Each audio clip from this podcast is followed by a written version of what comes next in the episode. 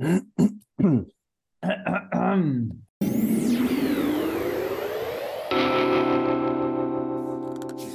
lytter, bokvenn, medmenneske og medborger.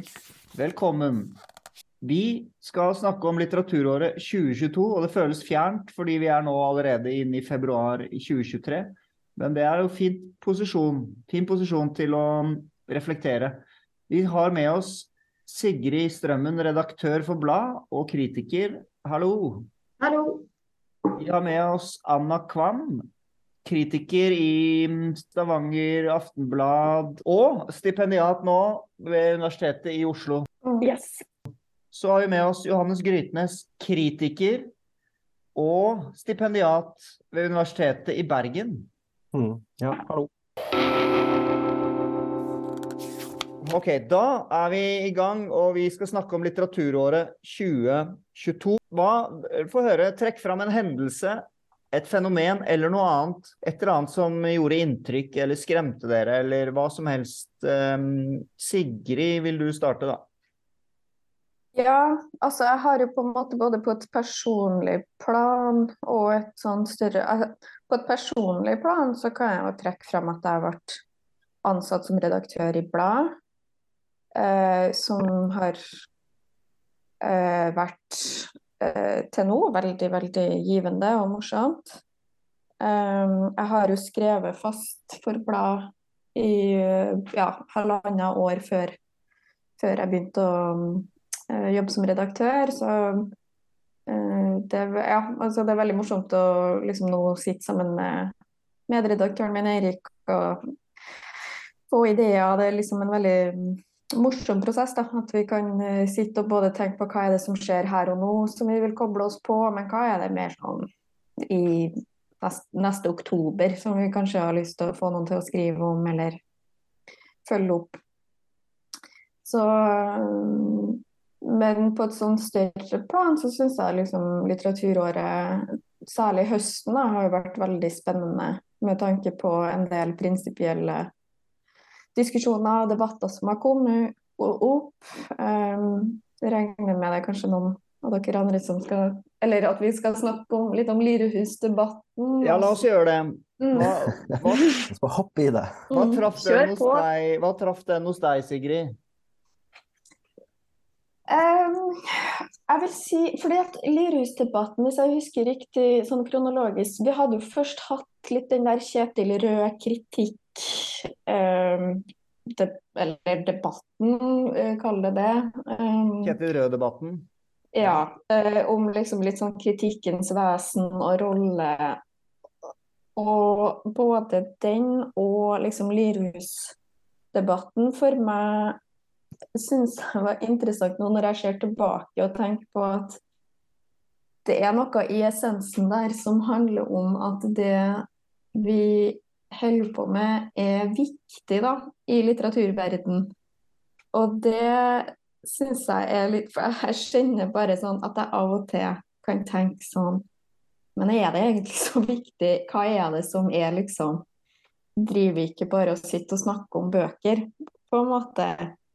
Og, og, det var for meg noe fint som kom ut av høsten, at jeg ble på en måte påminnet um, Ja, hvorfor det Altså litteratur i seg sjøl, hvorfor det uh, kan kalles viktig, eller at det har en verdi utover liksom en underholdningsverdi.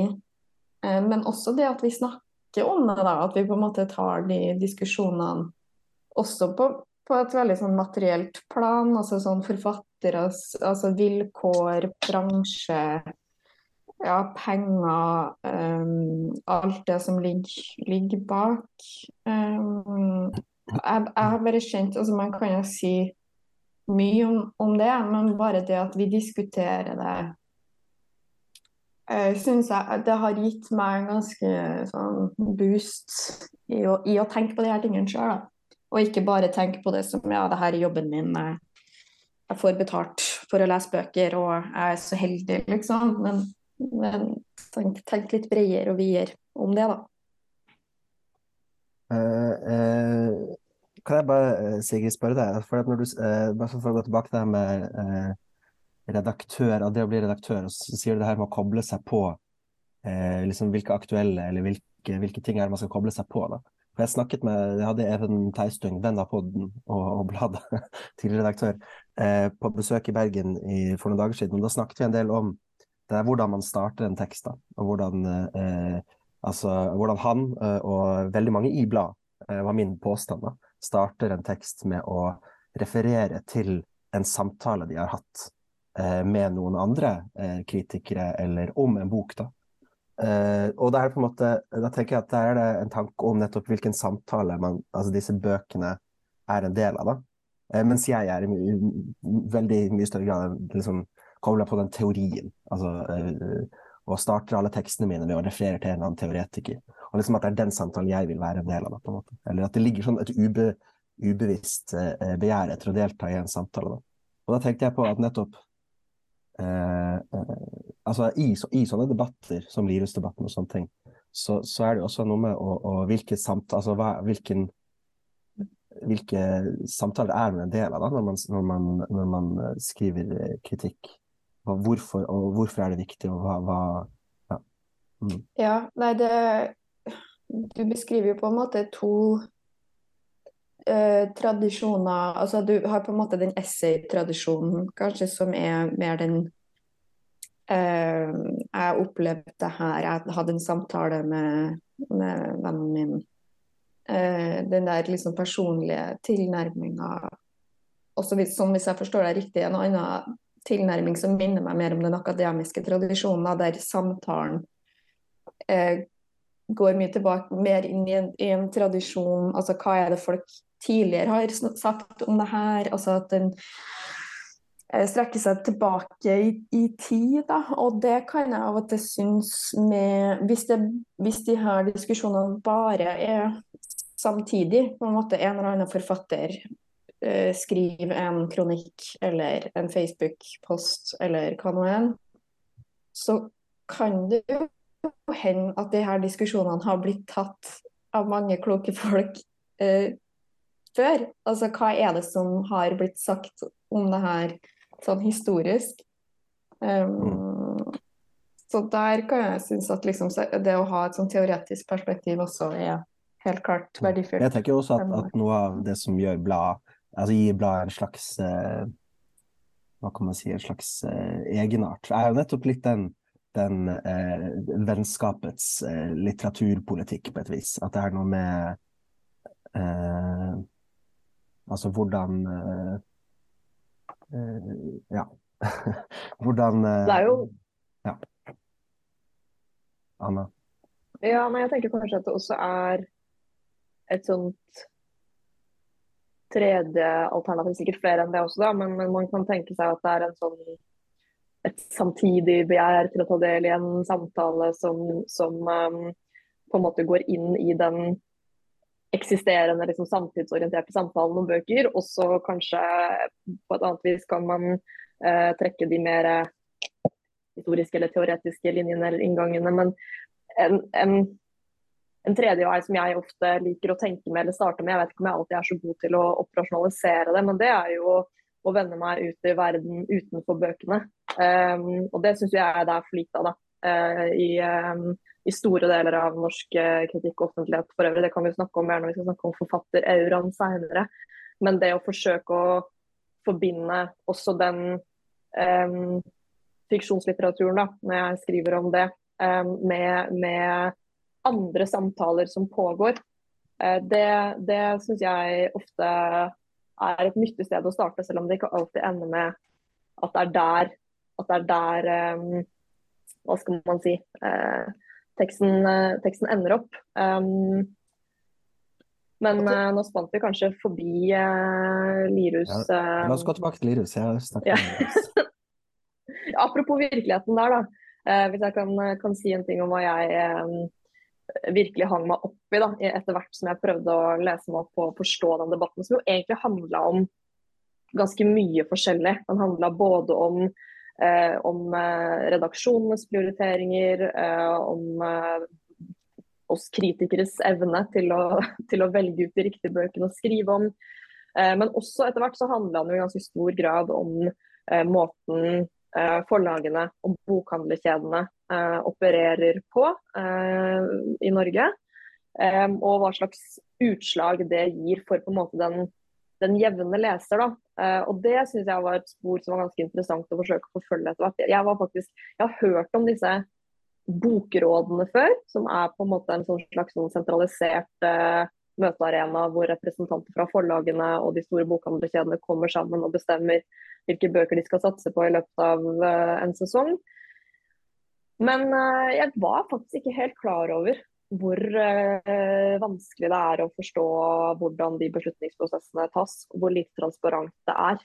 Uh, og Da er det jo også dertil vanskeligere å ettergå på en måte kritisk og prøve å se på sin egen praksis, om hvor influert er jeg av de prioriteringene og den avisa jeg skriver for. Um, og jo mer jeg liksom gravde meg ned i det der, uh, desto mer endte jeg med å tenke at uh, Lirus liksom forsøk også på å sparke litt mot kritikerne kanskje var berettiget på et vis. Da. For jeg tenker jo at den store eh, den store faren her er jo på en måte at hvis det er, er såpass um, mye makt da, som ligger i disse bokrådene, som det jo ser ut som det er, syns jeg, så er det jo på en måte desto mer beklagelig at det er stadig færre kritikere og redaksjoner som på en måte prioriterer lønna arbeidstid, ikke bare til å sitte og produsere kritikk på løpende bånd, men å forsøke å være en motvekt i selve utvelgelsespraksisen, på en måte.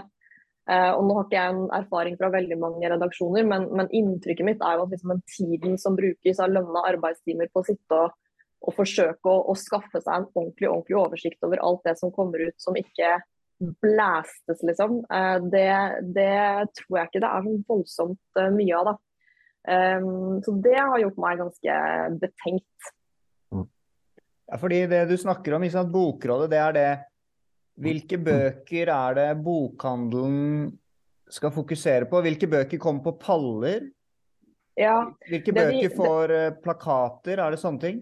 Det handler også om innkjøp, rett og slett. Så det det betyr er at uh, allerede på, så vidt jeg har forstått, da, med, med forbehold om at jeg er ikke ekspert på det her, men, men, men ganske, ganske, lenge før bokhøsten, og også da ganske lenge før kritikken begynner å komme, ikke sant? Så, eh, så, gjør man innkjøpsavtaler på noen utvalgte titler. Og Det det betyr, er jo at eh, bokhandlerutsalgsstedene, eh, både, både, større og, og mindre filialer, eh, på en måte blir tvunget da, til å bruke veldig mye, eh, mye krefter på å annonsere for å selge ut de bøkene og så Kanskje før da, så ville kanskje noen lokale bokhandlere som, som drev ganske aktiv innkjøpspolitikk selv, vente litt mer og se eh, om hvorvidt eh, den eller den får gode kritikker eller sånn eller slik. og så på en måte blir det en slags sånn dynamisk prosess. da, og Det skjer sikkert fortsatt det også, men det er vanskelig å vite hvordan vektinga her mellom den enkelte bokhandlers på en måte eh, profesjonelle skjønn, f.eks. i møte med kritikerne, påvirker hvordan de lager butikken sin i løpet av en høst, kontra det som bare allerede er bestemt fordi at man har laga disse innkjøpspakkene så lenge i forkant. Um, og det er jo, ja jeg Fortsetter å prøve å finne litt ut av det her. Hvordan, eh, hvordan gjør du research på det her, da? Det er jo bare å prøve å altså dette her, jeg har, Det jeg har funnet ut, er at dette har vært en pågående debatt, da, også, også før eh, Lirus. Det er flere som har vært ute og og på en måte bekymra seg for ja. eh, den makten som samles i de bokrådene. Eh, nå er jeg ikke jeg journalist, men hadde jeg vært det, så hadde jeg jo forsøkt å, å finne ut av om det går an å få, få se på møtereferater og, og, høre, og, høre, om hvordan, hvem det er som på en måte kommer med, kommer med innstillingen da, til det møtet. Hvem er det som bestemmer hva som ligger i bordet når de starter et sånt møte? Det er jo spennende. Det er jo sånn konspirasjon her, ikke sant? Og det er ugjennomsiktig, og de liker kanskje ikke å, å, å få, at andre skal få innsyn, fordi ting har liksom gått bra. Og så er det kanskje en journalist som spør litt for mange spørsmål. og det er viktig for meg å si at jeg tror ikke at liksom Altså eh, det er sikkert uh, mange av de som sitter der, som vil mene at de opererer med helt sånn legitime kvalitetskriterier i disse bokrådene. Det, men, men, poenget er jo at um, ja, når f.eks. kritikken da, skal være en slags sånn uavhengig instans som forsøker å utgjøre en motvekt mot noe av trykket fra forlagene, er, og, og, kanskje ikke har så mye tid alltid til å gjøre den der eh, på forhånd-jobben eh, med, med, å, med, å, velge, velge ut hva som skal skrives om i det hele tatt, så, så risikerer man jo at det blir en sånn derre gjensidig forsterkning da, på begge sider. Det er kanskje det Lirus forsøker å peke på. Eh, når du sier det her med de her kvalitetskriteriene, så tenker jeg at, at eh, eh Bendik Wold i den her, eh, som jeg syns var det absolutt beste eh, som kom ut av den debatten for min del, i hvert fall det som traff meg best, var eh, det Bendik Wold skrev om i den teksten som het 'Middelkulturens velmaktsdager'. og at, og at det er noe med at når, når både kritikere, forlag og bokhandlere er skjønt enige om at kvalitetskriteriene eh, de opererer med, også sammenfaller med de kommersielle eh, interessene. At når, når, det er, når, det faktisk er sånn at de, de, de, forfatterne som selger mest, hvis vi ser bort fra kokebøker og, og, og kalendere, så, så, er det liksom det er de forfatterne som også blir mest kritikerrost. Altså det er de som går igjen, altså Knausgård og, og, og Cézanne Jacquard, og, og liksom, altså en, en, en, en, sånn liste med, med eh, eh, kritikerroste og kommersielt vellykkede eh, forfatterskap.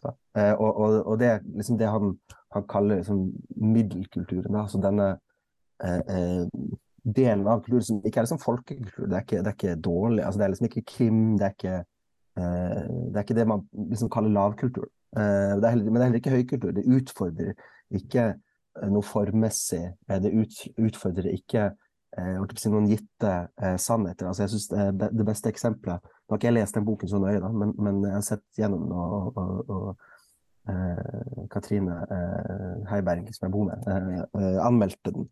den her til Tiller, som fikk så mye skryt, som, som for min del var ganske lett å se at dette her bare bekrefter jo bare alt det vi allerede vet om historien. At det er, sånn, det er de fattige, og så er det de rike. Det er de, de, med makt som er slemme, og så er det de uten makt som er snille.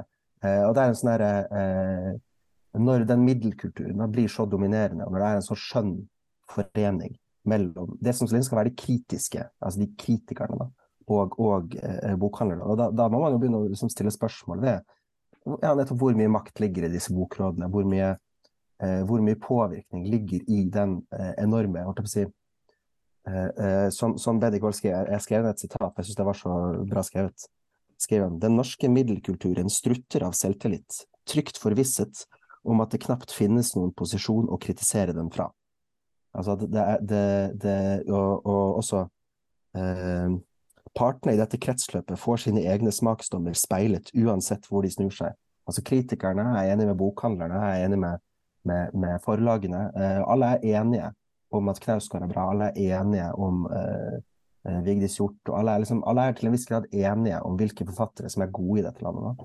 Og, og, og, da er på en måte Bendik Wolds problem at det er en blodfattig altså, kultur, hvor det ikke produseres nye, eh, faktisk eh, nyskapende litteratur.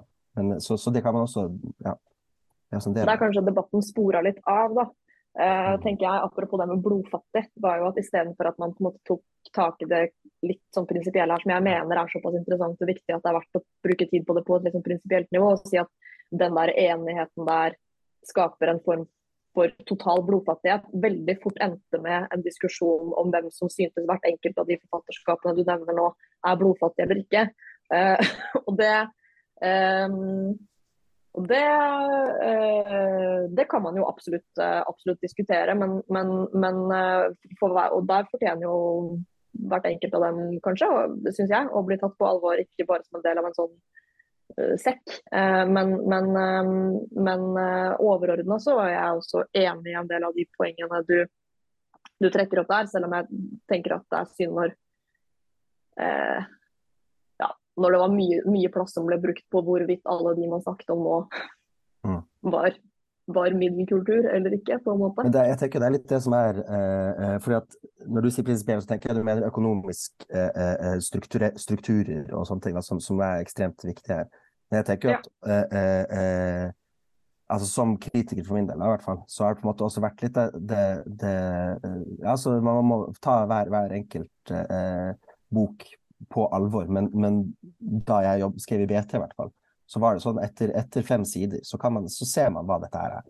Altså Da vet man hva, hva, at dette her er eh, en, en, bok som på en måte jeg har lest veldig mange ganger før, og det er stort sett en firer. Eh, eller som min redaktør sa til meg, at da gir du en treer. Eh, eh, fordi vi gir terningkast i BT. Men, men, det er noe med eh, Altså at det er noe med eh, det enorme, den enorme liksom, mengden med, med, med, bøker i midten, da.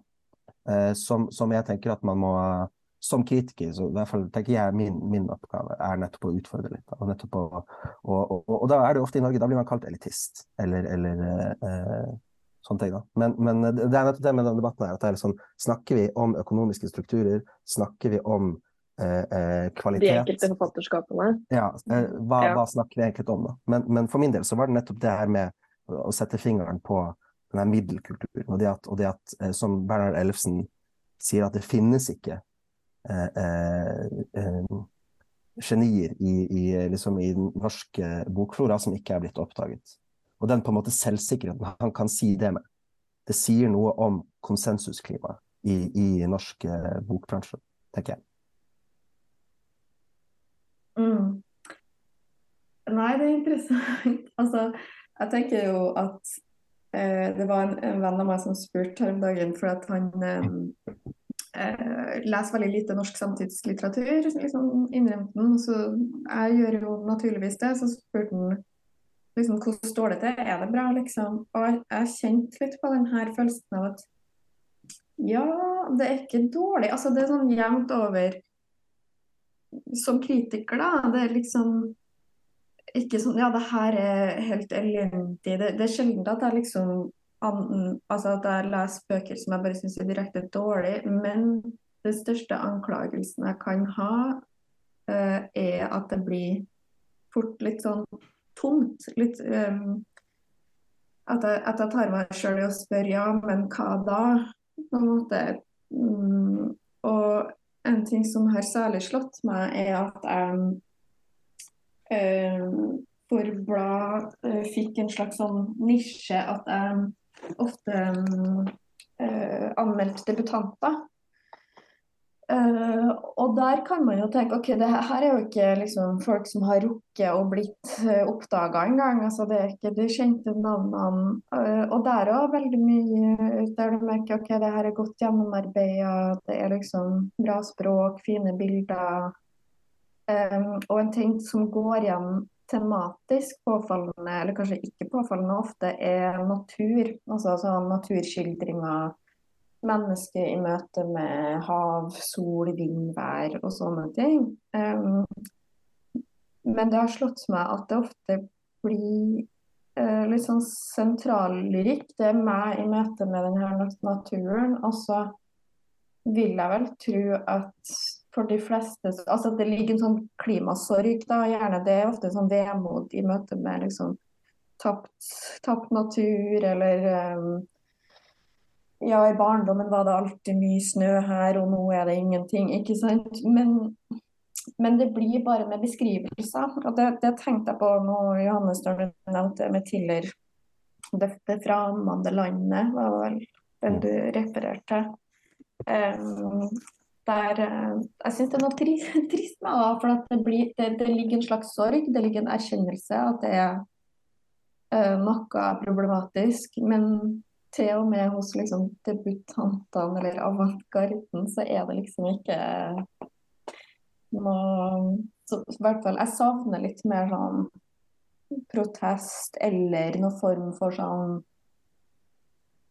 eh, Hva skal jeg si? Noe, noe mer enn bare beskrivelser, da. Mm. Mm. Ja, interessant. Har vi det Altså, vi, det er jo Man snakker mye om at betingelsene i det norske litterære miljøet er veldig gode. Sammenlignet med mange andre land, og at det kanskje er i ferd med å forvitre litt. Kanskje man vil se tilbake på det som en gullalder, men at vi har jo mange sterke forfattere med tanke på hvor få vi er. Men allikevel, kanskje, kanskje, det blir for behagelig. Man blir um, Er det noe der? Altså, Gud, hva, hva er det man sier? Det er et sånt ordtak i, på, i manosfæren, som det heter, på YouTube. Altså Good times create soft men. Ja. Og det er litt, den skal man liksom passe seg litt for også, for det her er på en måte en sånn eh, klassisk protofascistisk tankegang. eh, At, at eh, vi har det for bra, vi trenger en krig. Eh, og nå har vi jo en krig, men jeg vil ikke påstå at, at vi, vi blir noe Altså at det blir noe, at ytringsrommet blir noe bredere av den grunn. Eller at Nei. det blir noe mer eh, spennende eh, i den norske offentligheten. Men, men jeg vil på en måte også bare eh, kort påpeke at, at Anna sitt, Anna sitt eh, liksom journalistiske perspektiv på de her eh, eh, strukturene er også ekstremt viktig. At, noen, at noen gjør det arbeidet Ja. som Skulle gjerne lest den, eh, den reportasjen. Ja. Jeg har lyst til å ta én påstand. Ja, Johannes, hadde du mer? eh, Alltid mer, men eh, Ja, fordi det du sa at jeg, jeg er faktisk enig med Ellefsen om at det ikke fins noen oversette mesterverk i norsk litteratur. Jeg tror det er jo også en tautologi, for man blir jo ikke et mesterverk med mindre man blir anerkjent som det. Absolutt. Men jeg, jeg, jeg ehm, Nei, hvis, vi, hvis man gir det litt tid fem, altså det, Spørsmålet er Det kan være en litt uforpliktende påstand, for man kan bare si Hvor mange år trenger man da? La oss si innenfor 20 år. Er det, det er kanskje litt lenge. 10 år. Jeg tror ikke at det, det ligger skjulte skatter. Men du har jo rett da, Johannes, at eh, hvis den er skjult, så hadde vi ikke visst om den. Men jeg tror det er en sannhet han der uttrykker, rett og slett. Mm. Og så fikk jeg bakoversveis da jeg leste Emerson her om dagen. Og, og han skriver noe lignende. Han skriver eh? Han skriver they, Han er jo metafysiker, da. They who make up the final verdict upon every book are not the partial and noisy readers of the hour when it appears, but a court as of angels. Altså Det er som det er noen engler som sitter og leser. A public not to be bribed, not to be entreated and not to be overawed. Decides upon one's title to fame. Og så til slutt Only those books come down which deserve to last. Men er, altså for min del så er det jeg, jeg kan for så vidt stille meg bak det at det finnes ingen uoppdagede mesterverk i, i eh, norsk litteratur i dag. Men, men, det det, men, men det det kan finnes, er jo bevegelser, strømninger, eh, posisjoner, eh, eh, opprør, som, som man ikke Fordi at man er så selvtilfreds med sin englejurie. Eh, som, som eh, både forlagsbransjen, bokhandlerne og, og, og kritikerne er skjønt enige om at sånn er det, og sånn skal det være. Eh, altså, da, da kan vet man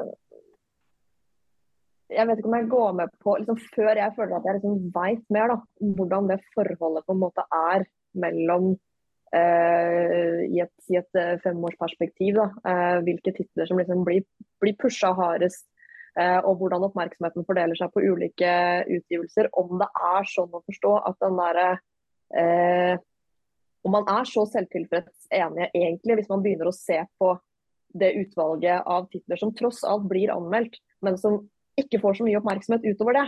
Og kanskje derfor ikke blir synliggjort eller kjøpt eller fanga opp.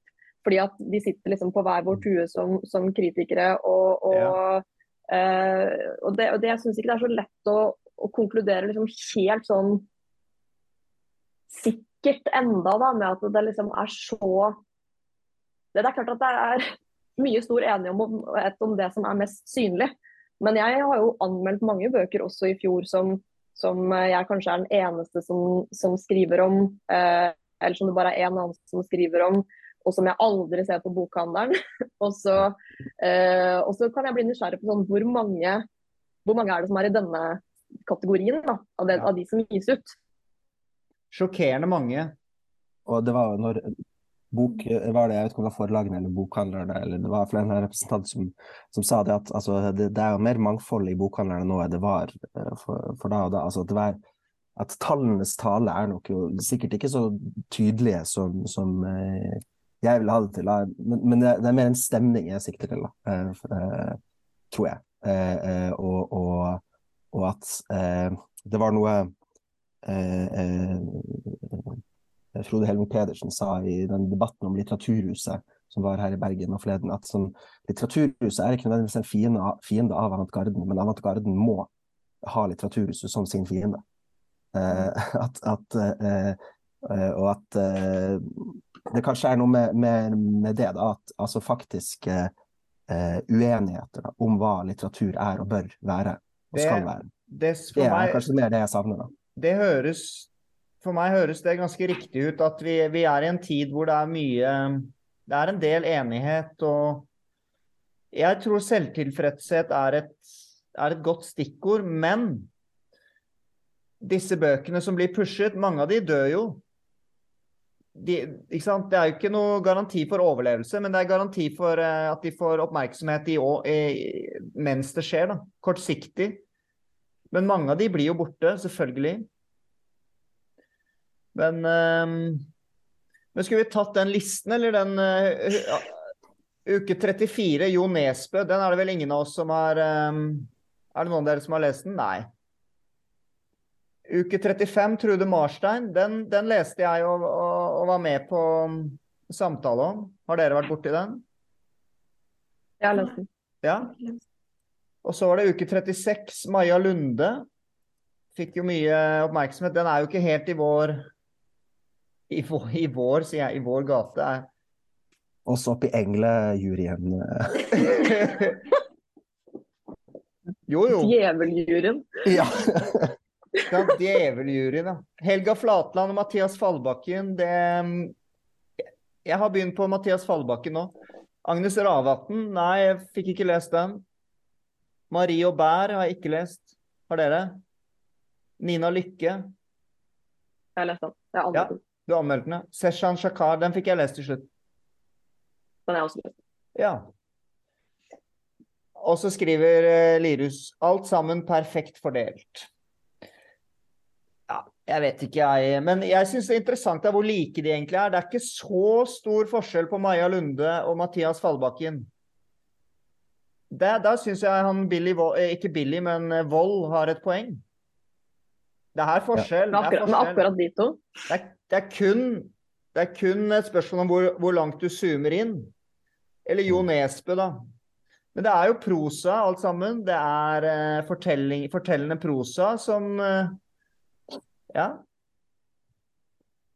Altså, jeg, jeg hadde nok lest mer av dette her hvis jeg ikke hadde eh, blitt stipendiat. Altså, jeg veldig sånn her, i, i, I fjor, eller i forfjor, så leste jeg mye av, av alt dette her, og, og anmeldte det.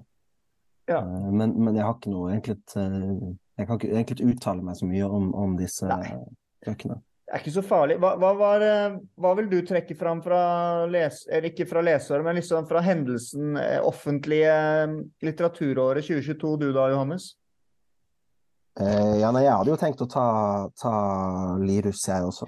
Ja, perfekt. Hva vil du, hva vil du si om Lirus? Nei, jeg ville si det jeg har sagt, jeg. Eh, Ja. så, så, og, så, husker jeg eh, Jeg tenker dette er et perspektiv man kan trekke fram. Eh, eh, når jeg husker den, på denne podden for sikkert flere år siden, eh, jeg husker ikke når, så tror jeg Live Lund eh, stilte et spørsmål da, som var litt sånn naivt stilt, men jeg tror det lå en slags eh, implisitt kritikk i, i, i det. Eh, altså hvor hun stilte spørsmålet blir man dummere av å lese samtidslitteratur.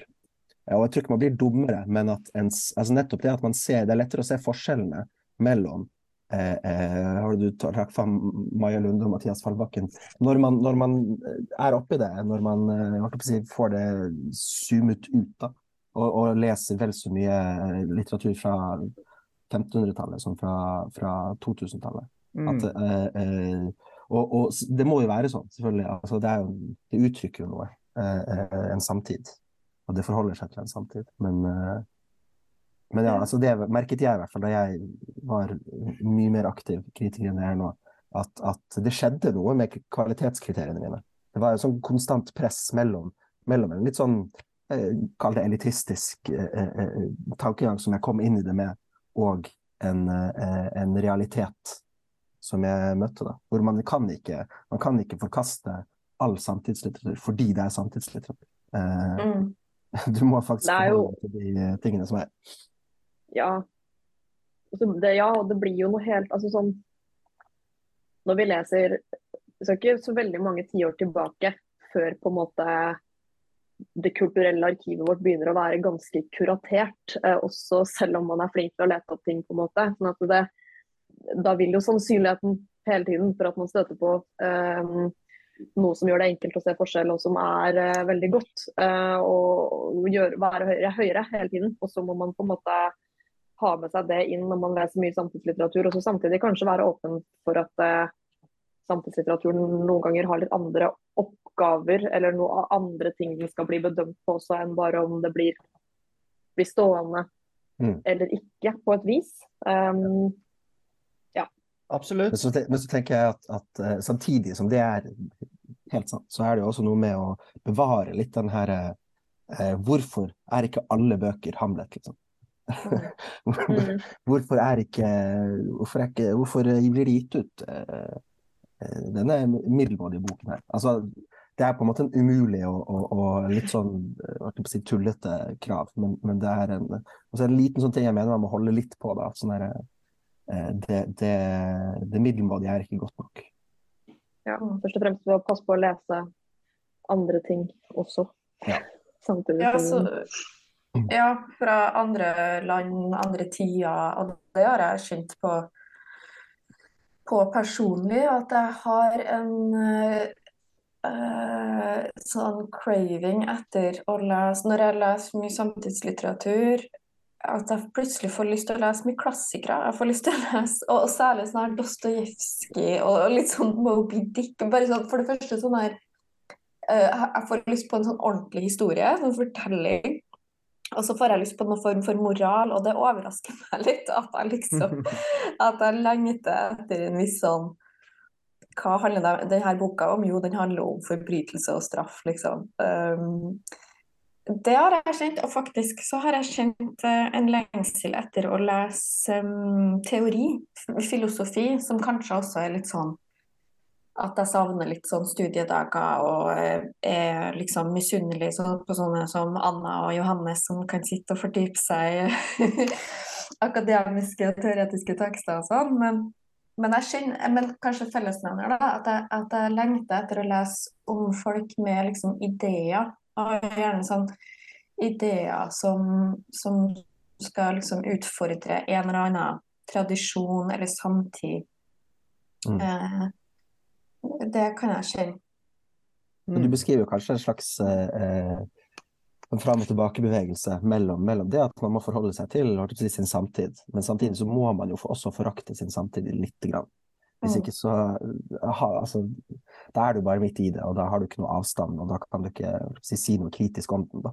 Eh, og det handler også litt om altså, um, eh, altså du kan, hvis du, Det er den liksom klassiske altså For å virkelig eh, like det norske, så må du også hate det norske litt. Eh, og det er kanskje mer det at sånn, vi, vi, vi, misliker eh, vår samtidslitteratur fordi vi misliker vår samtid. Eh, og til en viss grad, da. Eh, det, det, det uttrykker jo altså, I den grad litteraturen faktisk uttrykker noe sant om sin samtid, så uttrykker den jo også noe eh, man kan mislike og man kan eh, eh, være sint på. Da. Mm. Så man trenger kanskje litt den ja, jeg må, jeg må puste, jeg kan ikke ha Jeg kan ikke lese om mer skilsmisser og, og kroppsfiksering nå. Jeg trenger, eh, jeg trenger at eh, noen gamle menn skal fortelle meg eh, sannheter. Mm. Ja. Hadde du noe mer, Anna, fra litteraturåret 2022 som du var opptatt av? Du, det var sikkert Lirus for deg òg? Ja, det var Lirus. Jeg, jeg har jo um, jeg, jeg skriver jo også Kanskje det har hjulpet meg litt da, i den der uh, avvekslinga mellom, mellom uh, samtidslitteratur og andre ting. At jeg har anmeldt, anmeldt ganske mye sakprosa. Uh, og der er det veldig mye forskjellig på både godt og vondt man kommer, kommer innom i løpet av en av en måned og et halvår. Men i forlengelsen av det så, så hang jeg meg faktisk ganske opp i også jeg vet ikke om man kan kalle det en hendelse, men, men, men litt da i forlengelsen av den diskusjonen vi har hatt også nå om, om kritikkens rolle og, og, øh, og rungende enighet og, eller sånne ting, så, så, hadde jo Hilde Østby et essay i prosa hvor hun uh, skrev om hvorfor hun slutter som sakprosakritiker. Mm. Uh, og det um, det har jeg tenkt mye på. Fordi at jeg er enig kanskje i en del av bekymringene hun legger for dagen. Og så lander jeg liksom på helt stikk motsatt konklusjon. Da. Hun har jo et sånt resonnement om at eh, pga. Um, eh, at det gis ut uh, så mye, og det er så mye som på en måte kanskje ikke får den oppmerksomheten de fortjener, og forlagene eh, satser, så, satser, så, tungt på liksom, noen utvalgte titler, og også bruker liksom eh, anmeldernes eh, eh, skriverier for det det har vært i sin egen markedsføring, så, så, føles det på en måte kanskje særlig i møte med, med, med mindre utgivelser som ikke, ikke får noe mer enn en din ene anmeldelse, som, som, um, som, på en måte veldig brutalt da, å skulle, skulle liksom dømme det nord og ned, og så er du kanskje den som på en vipper den, den helt ut på en måte, av markedet på et vis. Mm. Um, tenker jeg kanskje samtidig at nettopp en del av de mekanismene hun beskriver i bransjen, jo også egentlig er grunnen til at det er så viktig å ha en, en annen instans eller en annen del av institusjonen som kan, kan utgjøre en motvekt. Eh, også på, særlig på sakprosafeltet, som også er en stor og betydelig del av forlagenes inntjeningskanal. Det, det tenkte jeg også en, en del på i jula, det jeg ser. Eh, og kommer sikkert til å fortsette å gruble litt på. Jeg mener jo at det også ja, anmeldes jo faktisk ganske mye mindre sakprosa enn skjønnlitteratur. Men mye som Der er det mange bøker som uh, Virkelig mange bøker som ikke blir nevnt, ja. Og som kan være spennende utgivelser. Jeg syns det, det, det, er det jeg sitter igjen med er, i dette her. er Hvor mange bøker som blir gitt ut, og hvor mange av dem som er ganske bra. Altså og Det er litt det vi har snakket om. da, at er, Jeg tror nivået er sånn ganske høyt, jevnt over. Både sakprosa og, og skjønnlitteratur. Og ja det er, ikke, det, er noe, det er et regnestykke her som ikke går opp, men sånn er det bare.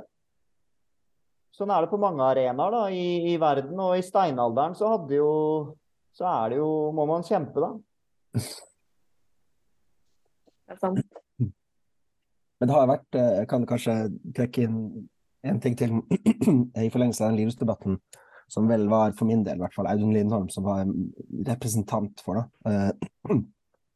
Eh, det var kanskje litt det med det økonomiske maktforholdet mellom forlagsbransjen og, og eh, si, kulturredaksjoner, og, og, altså det som liksom skal være den kritiske eh, instansen. Eh, og, at, og nå er det liksom ny boklov og sånne ting, og det er på en måte noe man egentlig sikkert burde engasjere seg i. da hvis man har den uh, evnen til å engasjere seg i den type spørsmål. Uh, og, og uh, Nei, ja, det er viktig. Og, og, og Ja, og, hvordan forlagene får enormt mye penger og, støtteordninger fra staten for å nettopp forvalte i hvert fall en forestilling om en demokratisk og kritisk og, og, og mangfoldig offentlighet. Og, og, i hvilken grad de faktisk ivaretar den når de sier opp tidsskriftene sine, eller de, de gir fra seg tidsskriftene sine, eh, eh, og de gir ut enormt mye eh, eh altså, altså, man kan stille, Det er på en måte hvert fall det han gjorde, da, litt sånn, litt sånn eh, forsiktig. Stilte spørsmål ved, ved, i hvilken grad det er forlagene som er de beste forvalterne av denne kritiske eh, offentligheten. og for, for, Audun så handler det alltid om at tidsskriftene skal få mer penger. Så det Ja. Det kan man spørre seg. Han har også et, eh, et annet viktig motto da, som jeg syns vi skal ta med oss ut av denne, denne, praten. Og det er at man skal uh, lage og ikke klage. Mm. Um, så det um, uh, har jeg tenkt på så mye etter at jeg har gått og grynta og vært uh, sur og irritert og fulgt med på disse debattene. At nå skal jeg jo først og fremst skrive en avhandling. Men uh, når jeg kanskje en gang får tid til å være mer kritisk igjen, så tenker jeg liksom at min lærdom som jeg tar med ut av det her, er at jeg har lyst til å liksom, gjøre en innsats for å kunne prioritere mer av arbeidstida mi til å liksom søvnfare landskapet og prøve å øve større innflytelse på hva jeg i det hele tatt skriver om. Det, det er på en måte det jeg tar med meg, tror jeg, eh, for min egen del. Mm. Mm. Og Det var jo også et, et, et motto som jeg kan trekke inn Jeg hadde ikke tenkt å nevne det, men, men eh, jeg burde kanskje trukket fram eh, Litteraturhusets tiårsjubileum i Bergen som, som eh, en hendelse. Som skapte litt debatt av Espedal sa noen greier og, men- avisen. Og så. Ja, men det er 2023. Ja, det er sant, det. det er, ja. Men det var, i hvert fall, det var i hvert fall litt av lærdommen derfra også var at man skal lage, ikke klage. Altså, Man kan ikke drive og irritere seg over eh, Litteraturhusets eh, eh, gode program uh, uh, uten å tilby noe annet selv. Mm. Så henger det jo sammen. Det er vanskelig å lage hvis man ikke har penger, da. Altså, det er eh, Det er noe med den der fordypninga Altså hvis man skal lese bredt og kritisk og på en måte gjøre det arbeidet sjøl, istedenfor å få det der servert. OK, her har du Mathias Fallbakken, vær så god. Um, det å faktisk kunne si nei, jeg har heller lyst til å lese det her, eller på en måte skrive et uh, essay som utfordrer det og det. Um, da, da, må man det er, det, er, det er, så mye vi gjør som er gratis arbeid, og der kjenner jeg liksom at um, at på et vis så, så, blir det jo kanskje sånn det er jo liksom Hvis man bryr seg om ting, så sitter man liksom gjerne på kveldene og i helgene og tenker på de her tingene. Og, men hvis vilkårene rundt å produsere de her tingene, liksom ha et uh, tidsskrift der folk kan publisere de tekstene, eller et hus der de kan prate om det, så, så må man ha noe, noe støtte, da. Mm. Jeg bare, litt sånn spørsmål jeg har tenkt litt på, er, i forbindelse med det her, er jo eh, Er det ideelle arbeidet rett og slett litt Altså at vi, vi, vi finner mindre plass til det i, vår, i, våre liv. Rett og slett fordi at vi Altså, vi har andre ting å, å, å underholde oss selv med enn enn det å gå på møter og, og, diskutere litteratur. Altså at det er noe med at eh, eh, vår, vår, oppmerksomhet eh, er en skjørere ting, og, og, og, det er lettere faktisk å sitte hjemme for seg selv eh, i dag enn det var før. tenker jeg mye på. Eh, at, at, det er ganske ja. Behagelig å sitte hjemme. Ja, og det er For det var en ting jeg tenkte på liksom fra litteraturåret 22, som liksom har vært siden tidenes morgen sikkert, men en sånn stadig tilbakevendende um, kommentarer om at liksom folk leser mindre og mindre, ungdommer leser mindre og mindre. Uh, og da der òg er det jo på en måte et regnestykke som ikke går opp i og med at det gis ut så utrolig mye, da. Men, men det, nå har det jo i det siste så har det vært mye mer snakk om liksom oppmerksomhetsøkonomi, og så det er jo helt klart et veldig uh, ja, sentralt spørsmål, egentlig. Det er også et viktig, tenker, viktig ting å ta med seg. Ja, ja, ja kjempe. Ja, øh, veldig viktig poeng, men ikke bare ikke bare mindre altså Hvis hypotesen din stemmer, da, Johannes, øh, så tenker jeg at det også Og det er sånn at vi på en måte øh, om ikke i, i det er mindre tilbøyelig, men i realiteten er mindre tilbøyelig til å drive på en måte ideelt arbeid. At det ikke bare gir seg utslag i på en måte at man er mindre på møte eller lesesirkel eller uh, er ute og skaffer seg kompetanse, men også bruker mindre tid på, på en måte å organisere seg da, og, og, gjøre en del av den jobben for å bedre de vilkårene som, som, du snakker om, Sigrid. For det er også en sånn del av, uh, en, av grenselandet mellom en arbeidshverdag og, og, og ideell arbeidstidsbruk. Um, og, bruke tid på sånne ting. Og det tror jeg at uh, mange av oss ikke hadde hatt vondt av. Og, og tenke litt mer på hvordan man kan, kan uh, bruke litt tid på. Mm. Altså bruke tid på å tenke de større linjene? Ja, det, for meg så tenker jeg at det også handler om å et Praktisk eksempel. Um, fra et kirkeperspektiv, da, for å svare på en del av de tingene som du, du nevner, Sigrid, med, med, med penger til å, til å, lage det man vil ha, istedenfor å klage. Det, liksom, det å ha tid eh, til å f.eks. finne ut av eh, om man skal eh, iverksette noen felles forhandlinger med de kritikerne som man skriver som samme avis eh, for, eh, og, og, fremme et felles krav istedenfor å, for å eh, finne på noe annet å gjøre eller bare ta til takke, liksom. Eh, det, også, det, tar jo litt tid å gjøre det på en ordentlig måte. Um, mm. så det er sånne ting, liksom. Skjønner. Nei, det er vel eh, Er det ikke det mm, kritikken Adorno kommer med? At man, eh, man jobber, jobber, masse, og så har man akkurat nok overskudd til å gå og se en film, Hollywood-film, Sånn, ja, nå er det jo ikke sånn lenger. Da. Nå er man kanskje nok, nok overskudd til å sitte på sosiale medier og sånn, men å få den lille lengselen av frihet og håpet til at du liksom klarer å fortsette på jobben dagen etter. Eh, mens du ikke er i stand til å virkelig røske tak og gjøre en, gjøre en ordentlig endring, da.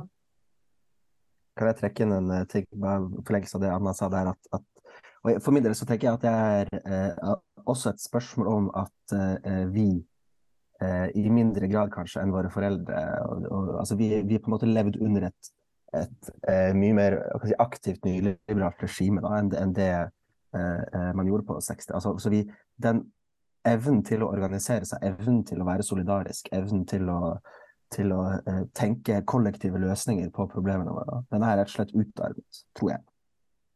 Det er en tese man kan være enig i, men, det tror jeg. Jeg tror jo til dels på sånn storsamfunnsnivå at jeg er, eh, er helt eh, enig med deg. Eh, og så Samtidig så har jeg nok i noen sammenhenger følt på en sånn overraskelse i overgangen fra organisasjonslivet, hvor jeg har holdt på mye sjøl, både i, i, politikk og litt andre ting, og inn i på en måte kultur- og litteraturverden i Norge. Eh, over på en måte at det er en sånn uh, Jeg tror det er et uutnytta potensial der, da, som kanskje ikke er så uh, så langt unna som, som, det noen ganger føles som. Da. men noe der også være Det kan også være at uh, litterater rett og slett er litt introverte. Eh, og nevrotiske. Ja. Det er også en uh, potensiell En mulighet. ja. ok, um, før det blir helt sånn eh, Klar for å Introspeksjon og selvpisking? Nei, jeg trodde det skulle Vi var på vei mot en, altså et opprør, altså en revolusjonserklæring. det lå nå ulma litt. Tenk sånn sekstimersdagen lå der litt, og dit mm. var altså. Nei, nå skal vi snakke om, vi snakke om yoga, meditasjon, nei, yoga meditasjon nei. Nå skal vi roe oss helt ned med en mindfulness-økt, ja. Og Så blir det ikke noen revolusjon i dag heller. Ja, nå skal vi lære å slappe av. Nei, men det er interessant, altså. Um, hvilke um, Ja, men der, så er det tilbake igjen. Lage og ikke klage. Uh, hva er det man faktisk kan klare å lage? Det, det er spørsmålet. La oss, eh, vende, la oss likevel da, i en god nyliberalistisk ånd vende blikket litt eh, innover. Og ikke innover, men mot deg selv og ditt private, personlige leseår 2022. Hva har du vært opptatt av? Eventuelt hvilke, hvilke bøker eller artikler vil du trekke fram? Du har allerede trukket fram Hilde Østby, Anna, men det er sikkert, sikkert mer å, å hente. Vil du starte, Sigrid? Om det er noe mer å legge til av ditt, ditt leseår 2022? Ja, altså jeg kan jo Mitt leseår um, preges av at jeg leser mye norsk samtidslitteratur. Um, og så veksler mellom veldig sånn lystbetont lesing, som uh, kan være sånn klassikere. Uh, jeg har lest Herman Hesse av Steppelven. Det var sånn veldig, veldig god leseopplevelse og en sånn frisk pust for meg mellom en del andre ting. Um, men én ting jeg vil trekke fram, for nå har vi, vi har jo snakka en del om sånn norsk eh, liksom, samtidslitteratur på godt og vondt. og en ting som jeg syns er veldig positivt med litteraturåret 2022, er um, at det blir oversatt veldig mye bra litteratur. Vel, jeg syns det er nesten vel så spennende, om ikke mer spennende, å følge med litt på det. Hva som kommer eh, fra forlagene av uh, utenlandsk eh, litteratur. Og det er Man tør også å ta for seg en del språkområder som ikke er de liksom eh, dem som det allerede oversettes mye fra. Så det er mye som liksom ja, Vi har til og med hatt sånn ja, Camino forlag og sånn, som satser på liksom, et eget liksom, språk, liksom latinamerikansk litteratur. Og, og, så har det vært en del sånn Jeg tror var det det, Johannes, som, som anmeldte Yoko Ono.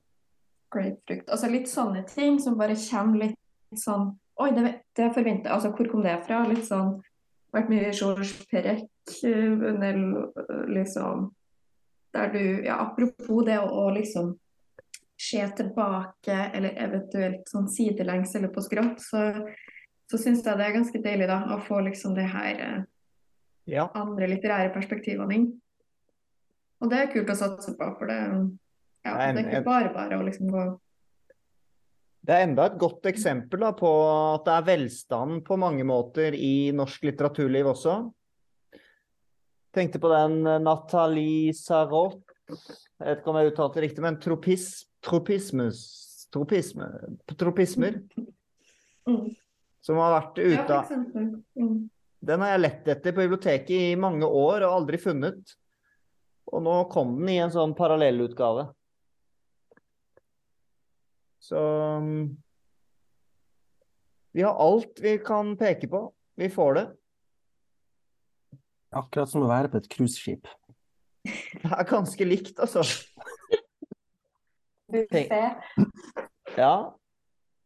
All litteratur i våre finger, fingerspisser. Mm. Ja, ehm, Anna, har du noe eh, fra ditt eh, leseår 2022? Jeg prøvde å, å ja, kikke litt på hva jeg egentlig har lest, som ikke har vært sånn eh, jobbrelatert i ulike sammenhenger. Ja. Jeg har litt sånn ofte om sommeren tenker jeg nå skal jeg lese noe, øh, nå må jeg lese noe annet. Og så har jeg en sånn lys idé om at, at jeg skal ta et fantastisk valg i liksom cruiseskipmenyen. Uh, og så blir det ofte til at, jeg, at det blir sånn snøballmetode, at jeg begynner et sted og så liksom ruller jeg videre derfra. Uh, ofte starter det kanskje med noe som er um, det er en eller annen har vært en hype rundt eller noe sånt. Og så liksom nøster jeg litt enten i det språkområdet eller i det tematiske området. Sånn I sommer så uh, leste jeg begynte med å være Douglas Stewart-bøkene, som har vært uh, mye uh, omtalt. Men så, som handler om Glasgow um, under Thatcher. Men så leste jeg dem samtidig som jeg også leste Frank McCourt sine oppvekstskildringer fra Irland i mellomkrigstida. Uh, og, og så noen TV-serier om, om den samme tida. Og holdt på med det. Så det ble litt sånn der britiske øyer-sommer. Det var egentlig fint. Noe helt annet. Men utover det så um, vil jeg kanskje si at liksom de store sånn nyutgivelse, leseopplevelsene for meg i fjor, eh, var vel kanskje først og fremst eh, den første delen av, et, eh, av en essay-serie eh, som Kari Løvaas kom med, eh, som heter 'Skapelsen, sukk og klage'. Som jeg leste på forsommeren. Uh, som jeg syns var en uh, Ja, en spesiell utgivelse på mange måter. Sigrid nikker. Um, Ja, nei, uh, for det, det, var en ting jeg merka meg når jeg bare prøvde å tenke sånn tema, sånne ting som går an. Og da var dyr faktisk noe jeg tenkte på. Uh, at vi vender blikket litt mer mot dyreriket. For da hadde også den Tove Nilsen sin uh, Nordens elefanter. Så det, og, og det er en del utgivelser, en del ulv blant annet, som, Mm. som Masse ulvetitler. Ja, mm. uh, så det syns jeg er interessant. Det er Sp i regjering, vet du. ja. Hva, men hva var det Kari Løvaas eh, dreide seg om da, Anna? Nei, det er på en måte et, en essaysamling som hun har skrevet eh, litt i forlengelsen av sitt doktorgradsprosjekt, som handler om på en måte Kall det moderne kallsfortellinger i litteraturen. Det er på en måte et, et, eh, et essay handler jo om, om eh, eh, om skapningen, på en måte. Så hun tar jo avspark i liksom, den religiøse eh, forståelsen, eh, men leser en del av de eh, skapelses- og fall- og kallsfortellingene, som hun kaller det, inn i en del eh, på en måte nyere litteratur fra, både, fra hele egentlig det siste århundret, med på, på, hovedvekt på svenske og norske forfatterskap. Men det er på en måte dypest sett en, en jeg tenker jeg, hun, hun utforsker jo på en måte hva som skjer med både menneskets liksom personlig, private eh, forståelse av seg selv eh, og vårt, som samfunn vårt syn på hva som konstituerer menneskeverd eh, i en tid hvor mennesket eh, har gått fra å fra å forstå seg som skapt til å bli sin egen skaper.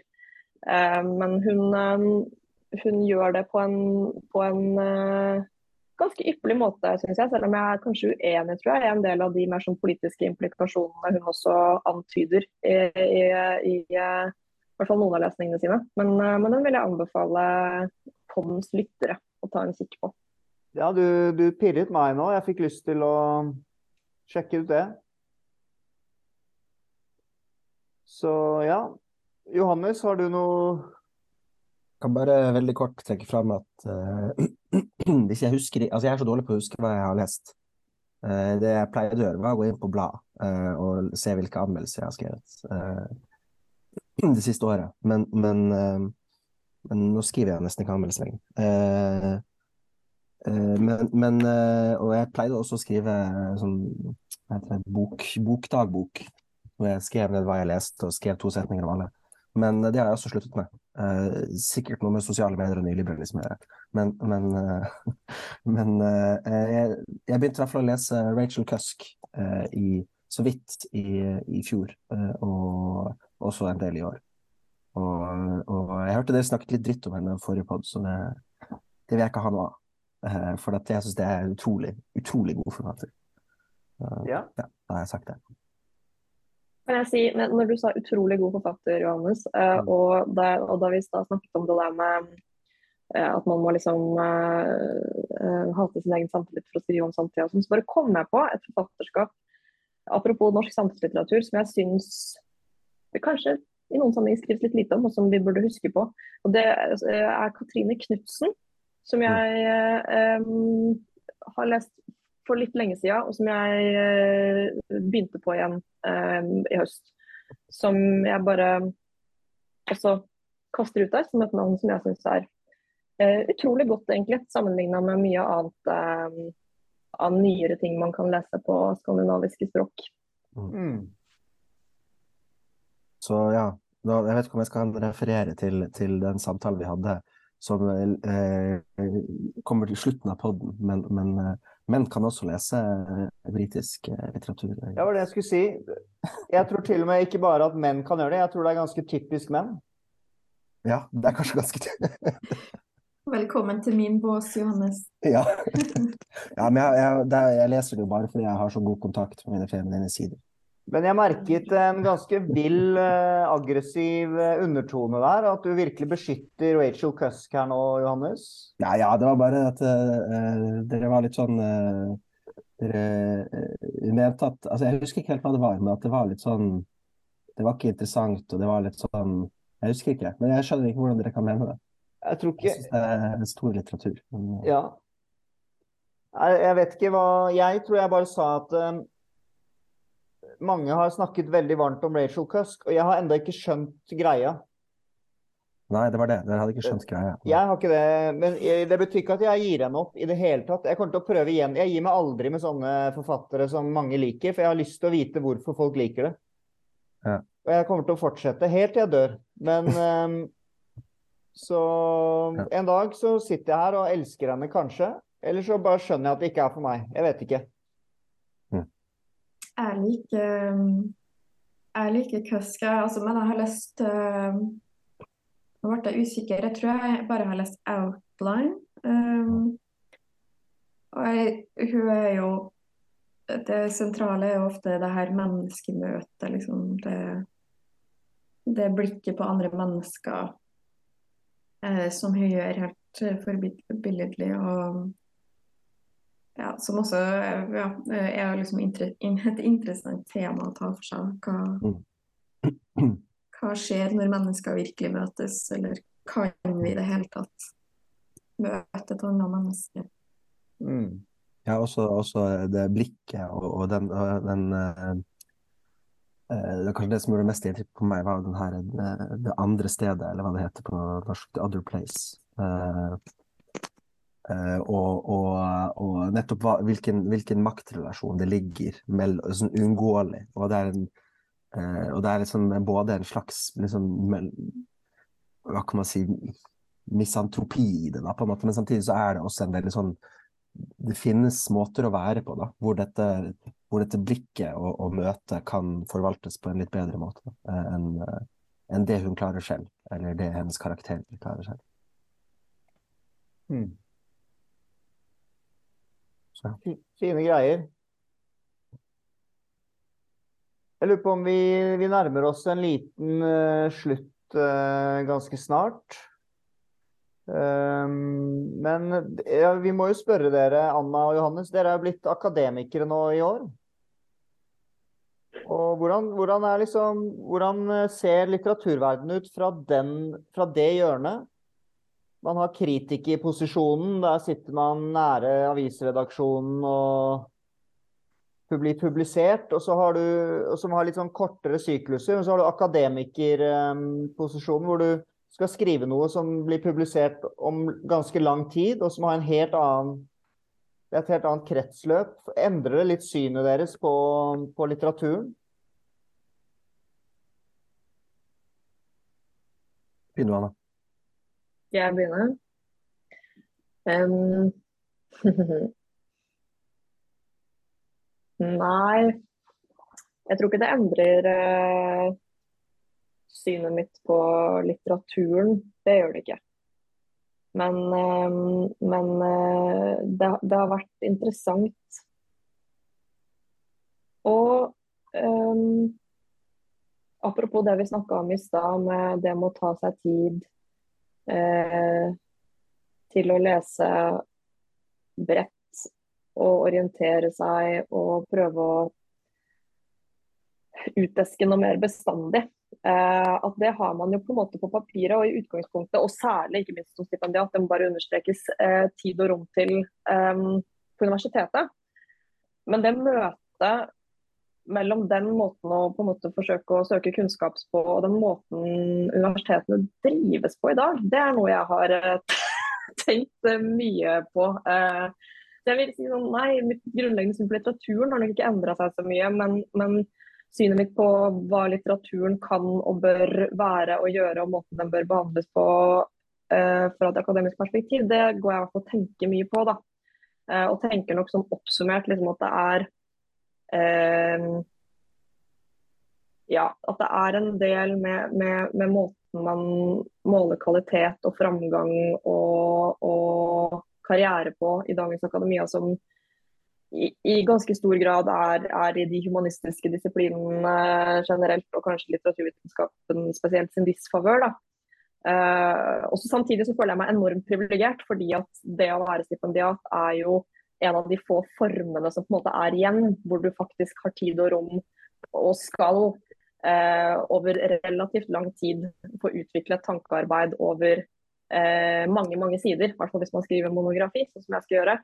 Um, og så har det slått meg at den formen plutselig, altså det å få eh, tid og rom på den måten, er jo på ingen måte en selvsakthet. da. eh, for, for eh, humanister i, eh, i dag. Det, det tenker jeg en del på. Mm. Jeg må bare si at eh, Anna eh, har rett. Og, og, og jeg hadde sikkert sagt noe av det samme på en litt mer rotete og utydelig måte. Eh, for det, det, det, det slår meg også, altså virkelig. Eh, altså det er noe med at du tenker på akademia som en form for tilbaketrekning. Altså du tar et steg tilbake og, og tar, øker avstanden til din samtid på en måte. Men jeg føler meg bare sånn innhyllet i et sånn karrieristisk eh, nett av, av, hvem skal Altså, du må ha den og den personen må gå god for deg for å sende mail til den. Altså, det er sånn herre der jeg får, altså, jeg får så vondt av det. Eh, og jeg har vært en del på sånne ph.d.-kurs også, hvor, hvor, de snakker til oss som om vi er her for å gjøre karriere. da. Som om vi ikke er her for å, for å holdt jeg på å si, fordi vi er kunnskapstørste eller kunnskapsbegjærlige. De snakker til oss som om vi er her for å, for å uh, ja, altså, gjøre en karriere. Og det er vår karriere det handler om. da. Uh, og det gjør meg trist og deprimert. Uh, og, og så burde jo noen, eller jeg burde kanskje vekke selv, da. denne laget ikke klage om den, som jeg håper å kunne kultivere litt framover. Jeg håper å kunne eh, at det, fin, altså det finnes jo muligheter for å gjøre akademia på en litt annen måte, tross alt da fortsatt, og at det går an å, å, å lage de rommene da, hvor, hvor eh, et mer eh, humanistisk eh, akademia fortsatt kan finnes. da. Og det var fordi Spesielt når jeg kom tilbake fra et sånt seminar, som vi selvfølgelig hadde på Solstrand, for der er alle seminarene ved UiB. De har ikke råd til å, råd til å gi eh, kollokviegrupper til eh, førsteårsstudenter, men de har råd til å sende meg på, på spa-opphold på Solstrand. Eh, Hva er Solstrand? Nei, det er, det er, et sånt uh, hotell utenfor, en time utenfor uh, Bergen, som, ja. som UiB holder uh, i live. Nettopp. men så, etter å ha vært på det oppholdet og hørt om hvordan jeg kunne kultivere karrieren min og sånne ting, så, så eh, kom jeg hjem og så leste jeg litt av det kyniske tilstanden av han Sven Anders Johansson, da, som alle har snakket om i litteraturens slutt. Som jeg ikke var så eh, overbevist av, men den der det kyniske tilstanden, den, den syns jeg var veldig givende. Altså, det er den evnen til å si nei. Altså til å, til å eh, faktisk bare uten forbehold si nei til, til eh, deler av uh, sin samtid. Som, uh, mm. som, om ikke annet er befriende for tanken. Og så kan man diskutere hvor befriende det er for, for, en eventuelt faktisk frigjøring. Men, Men, så det var en motsetning som jeg tenkte på. Ut fra det dere sier nå, hvor ser dere akademia om, om 10-20-30 år, da? Det høres jo ikke helt lovende ut? Hva skjer med menneskeheten, liksom?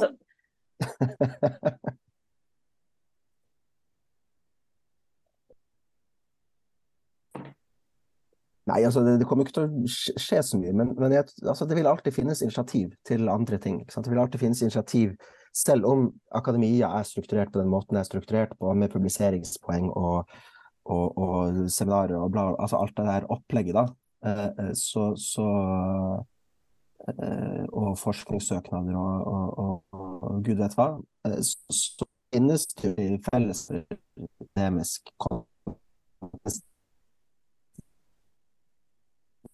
til bort og sånne ting. Kunnskap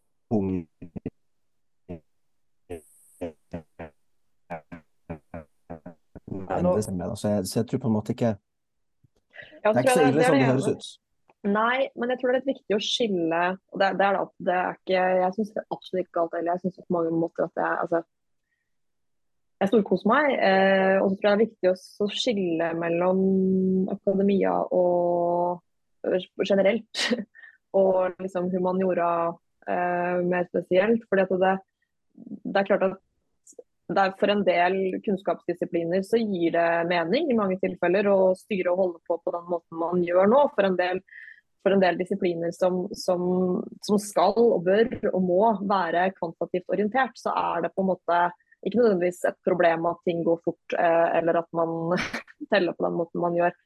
Men for en del av den, del av den langsomme eh, de langsomme kunnskaps- og analyse eh, pro, uh, prosjektene eh, som, som, på en måte er de humanistiske fagenes eksistensberettigelse, på et vis, så, så er det klart at jeg, det er, jeg er ikke sånn dystopisk på det, men jeg er blitt bekymra for om man går glipp av en del mennesker som kunne bidratt sterkt og tungt og med den typen eh, tenkning, men som kanskje ikke vil nå opp da, eh, i ansettelsesprosessene fordi at man må score som veldig høyt på så veldig mange andre eh, på en måte, altså det er en, Jeg tror man dyrker litt en, kanskje én spesifikk type eh,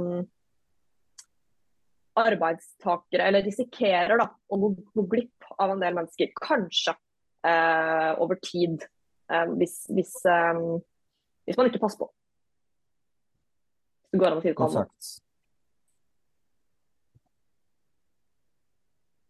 OK. Da er det kort, kort, kort runde. Så skal vi gi oss. Hva angrer du på fra 2022, litteraturåret, som du vil gjøre annerledes i år? Dette må gå fort. Jeg må... Ja, ja, ja.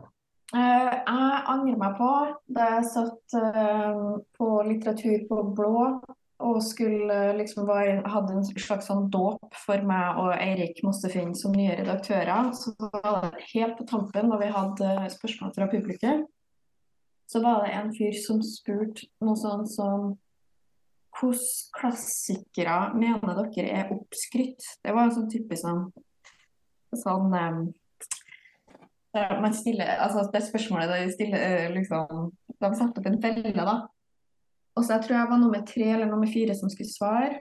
Uh, og så satt jeg liksom hele tida sånn Hva skal jeg svare? Hva skal jeg svare? Jeg hadde liksom ikke, liksom, Spørsmålene fra Jonas hadde jeg jo fått på forhånd. Og så sa jeg Hamsun. Knut Hamsun. Og det har jeg tenkt på i ettertid, at jeg har ikke noe belegg for å si at han er oppskrytt. Det var bare det som kom til meg. Og så tenkte jeg at han er såpass kontroversiell at folk kommer sikkert til å bli sur på meg liksom, hvis jeg sier det.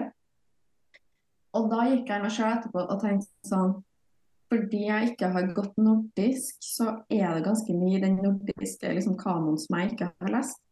Så det er et nyttårsforsett for meg å liksom komme litt à jour med, med sånn, den nordiske kanoen.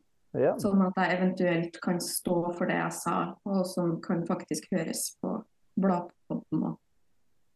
Så nå skal du lese Hamsun med et kritisk blikk for å kunne backe opp påstanden fra 2022? Mm. Jeg liker det. Det er sånn ap apologet, uh, apologetics. Du har svaret på forhånd. Ja, dere vet det, ja, dere vet det er litt sånn som hvis man er på jobbintervju og, og du blir spurt liksom, hva er din verste kvalitet, eller noe sånt så skal man jo ha et innøvd svar. At man sier ja. sånn Å nei, jeg er litt for uh, omtenksom, jeg er litt for uh, nøye. ikke sant? Mens hvis du ikke har forberedt deg, så kan du jo finne på å si sånn Nei, jeg er skikkelig uh, vrang, eller Ja, jeg har en eller annen ja. ja. Et eller annet man ikke skal si, da. Så, og det var sånn det var for meg. Jeg var liksom ikke forberedt på det spørsmålet. Hva angrer dere på, da? Anna Johannes? Nå kan jeg bare snakke for meg selv, men, men uh, jeg, jeg agrer uh, Altså, jeg, jeg, har ikke noe sånn helt konkret, uh, også fordi at man kanskje har, jeg har trukket meg litt tilbake fra liksom, den her aktuelle debatt. Du har gått inn i Eiffelbenstårnet, kan vi ikke bare ja, si det? Ja, jeg, har i hvert fall prøvd, har prøvd det. Ja. så er jo tanken at jeg skal komme meg tilbake da, når jeg får litt mer sånn jeg får litt vann og hodet over vannet. Men uh, jeg skal lese Altså, jeg angrer på at jeg har brukt så mye tid på å lese teori og filosofi.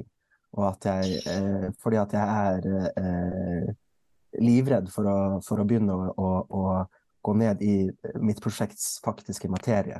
Så da vil jeg heller lese eh, væren og tid, for det har jo ingenting med noen ting å gjøre. Eh, så, og det er, derfor er det tryggere. Så, så men det er jo kanskje litt så kjedelig sånn. Jeg skal bli bedre i jobben min, og kanskje jeg skal bli et bedre menneske også. Så. så det var ikke noe konkret, det, da. Men det var kort, i hvert fall. Ja. Anna? Da var det min tur. Eh, nei, jeg har jo egentlig allerede sagt det. Jeg, jeg, angrer, eh, jeg angrer litt på det. Jeg syns jeg, har- jeg har lest altfor lite, alt for lite lyrikk. Det Og jeg, og sier ikke det jeg sier ikke det fordi jeg føler at det er noe man må gjøre, men fordi jeg alltid blir veldig glad når jeg gjør det. Eh, eller har det som sånn vane å gjøre det jevnlig. Um, så det angrer jeg litt på, men det er kanskje mest en sånn påminnelse om at det skal jeg gjøre litt mer av eh, nå. Ja, det kommer du til å snakke om nå etterpå, faktisk. eh, For lytteren kommer til å få høre hva du leser for tiden. Og da kommer de til å få høre at du leser bl.a. Olav Nygaard på kvelden. Ja. Kan ikke du kjapt bare introdusere lytterne for Olav Nygaard, eh, bare sånn nynorsk? Nygaard. Ja, nynorsk. Nygaard? Eh, Nygaard nynorsk eh, Høynorsk, er det det? Høgnorsk? poet. Tidlig Nei, veldig, veldig nynorsk. Eh, noen ganger nesten Han lager sine egne ord og sånn. Eh, Ja. Men det er tid, liksom første halvdel av 1900-tallet. Eh, han ga ikke ut så mye. Han døde ganske ung. Um, og mange vil vel kanskje hevde at han var litt sånn ujevn i produksjonen. Eh, Men jeg syns bl.a. at han har en del utrolig fine dikt om, uh, om um, døgnet og årstiden om søvn. Så det er sikkert derfor jeg ofte har uh, lest ham om kvelden. Mm. Noen eh, natta, nattadikt. Eh, men, eh, men han, eh, han eh, Det er vel kanskje særlig den samlingen han har som heter Ved vedbandet, eh, som er mest eh, kjent. Og som vel også inneholder det ene diktet han har som er på en måte litt sånn på lyrikkanoen i Norge, da. Som heter 'Nå reiser kvelden seg'. Um, det kan eh, de som ønsker det, sjekke ut. Ja. Ja. Nydelig. Jeg, eh, jeg angrer på at jeg, jeg skulle skrevet mer, tenker jeg. Tiden svinner mellom fingrene. Det er en metafor. Det er jo e- evne til å gi hvem som helst, eller egnet til å gi hvem som helst dødsangst, dette her eh, nyttårsforsettet her. Ja. Ja, det, du vet at det er nyttårsforsett Det er omtrent nå nesten alle nyttårsforsett er sprukket i februar. Mm. Så Vel, vel. Men en ting, men en ting jeg har hørt, er at hvis du skal innføre en ny rutine, så er det lurt å legge den på en rutine du allerede har eh, på plass. Så eksempel eh, eh, gjør et eller annet, ta ti armhevinger før du uansett skal puste hendene, for det på en måte har du på Ja. Linker de på du hverandre. skal gjøre, kanskje du skal gjøre det med skrivinga. Jonas, hack den på noe som allerede sitter. Ja. Jo, det, jeg, jeg gjør litt sånn Jeg gjør veldig Jeg gjør så mange sånne ting allerede. Mm. Men det er et godt tips, da. Men jeg sitter er og veldig sist. Men? Hvis jeg, noen ganger så hører jeg på meg selv ut ifra en sånn kapitalismekritisk perspektiv. Og det vi ender opp med, vi blir jo sånne Lage og ikke klage, det er jo også en sånn derre Individet som skal fikse det, da. Og at jeg skal liksom endre mine vaner for å skrive mer, er, er, ikke, er det ikke egentlig samfunnet som skal endre seg? Sånn at jeg kan skrive mer?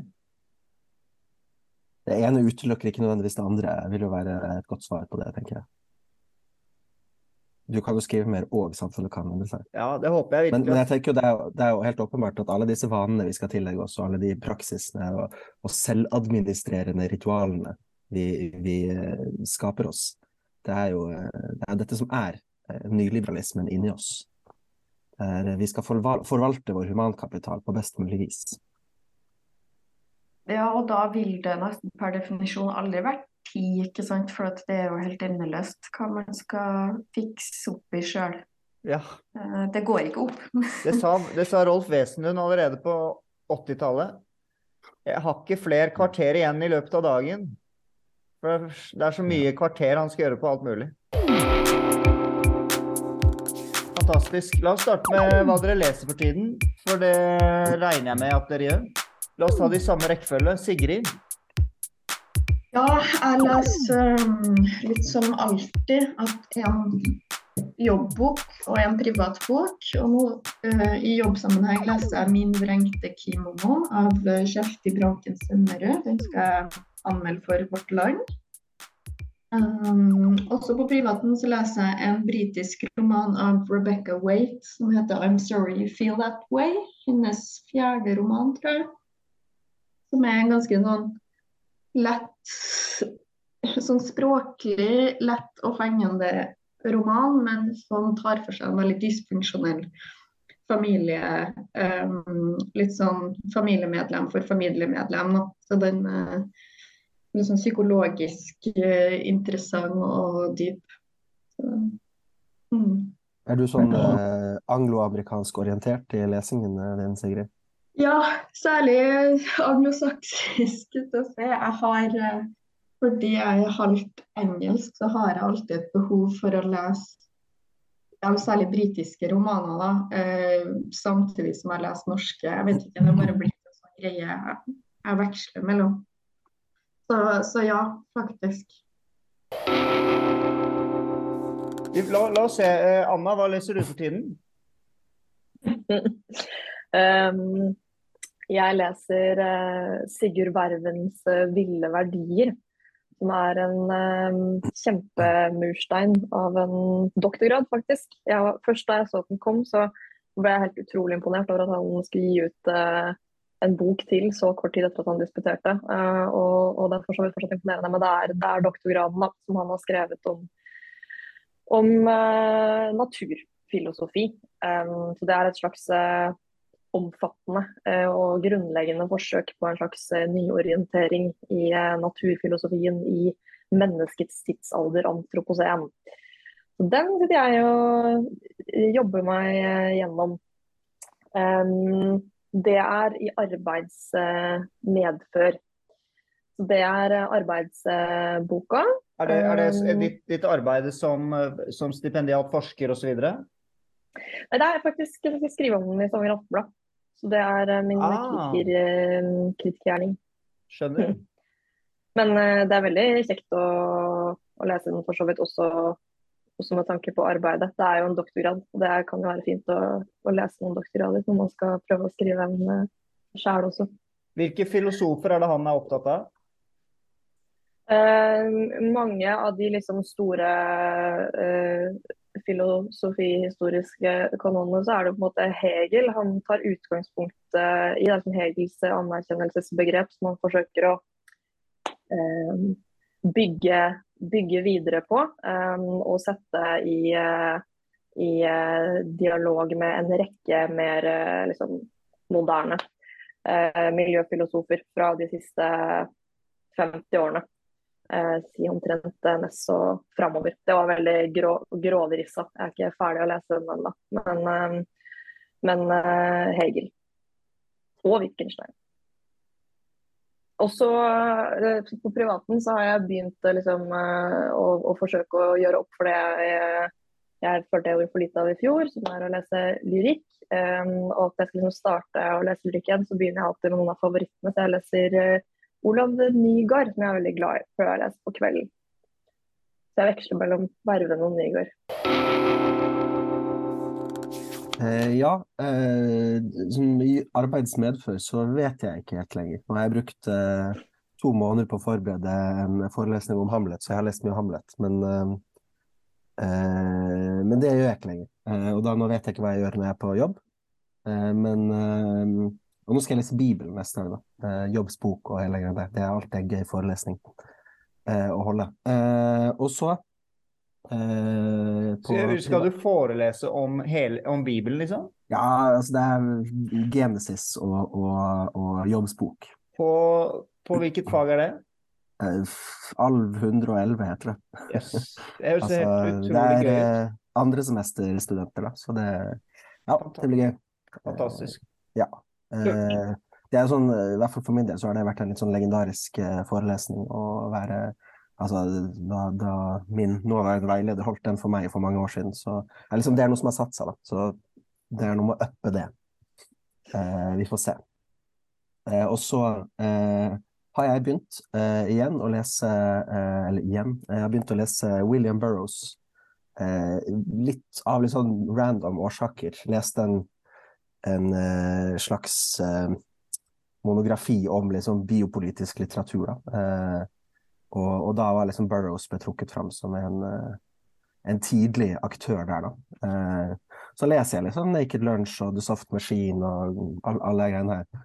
Og det er sånn, det er like deler veldig gøy og veldig underholdende, og bare sånn helt umulig. Og, og, og det fører jo til at sånn, jeg ikke leser og i flere uker i strekk. Og jeg bare sånn, for jeg orker ikke sitte gjennom sånn ti sider med eh, eh, nekrofili og, og, og dyreporno eh, eh, som er skrevet i et språk som det ikke går an å forstå. Så, men jeg prøver, da. Og så er det noe med å, å, gjøre det man har bestemt seg for, da. Men, eh, ja. men det er mye, mye, gøy der også. Altså, spesielt når man liksom beskriver den politiske, liksom, politiske situasjonen i denne her eh, jeg, jeg vet ikke hva jeg skal kalle det. Dette Eh, det, det universet hans. da. Mer sånn, den ene fraksjonen som vil liquefy eh, alle mennesker, og den andre fraksjonen vil assimilere alle mennesker. Og, og så er det liksom tenk, altså, man, kan se, man, kan se, på en måte den paranoide hjernen, hvordan den virker. da. Det er litt tiden. Så ja. Det, det gjør jeg. Hmm. Spennende. Dere lever spennende liv, dere. Nu vel.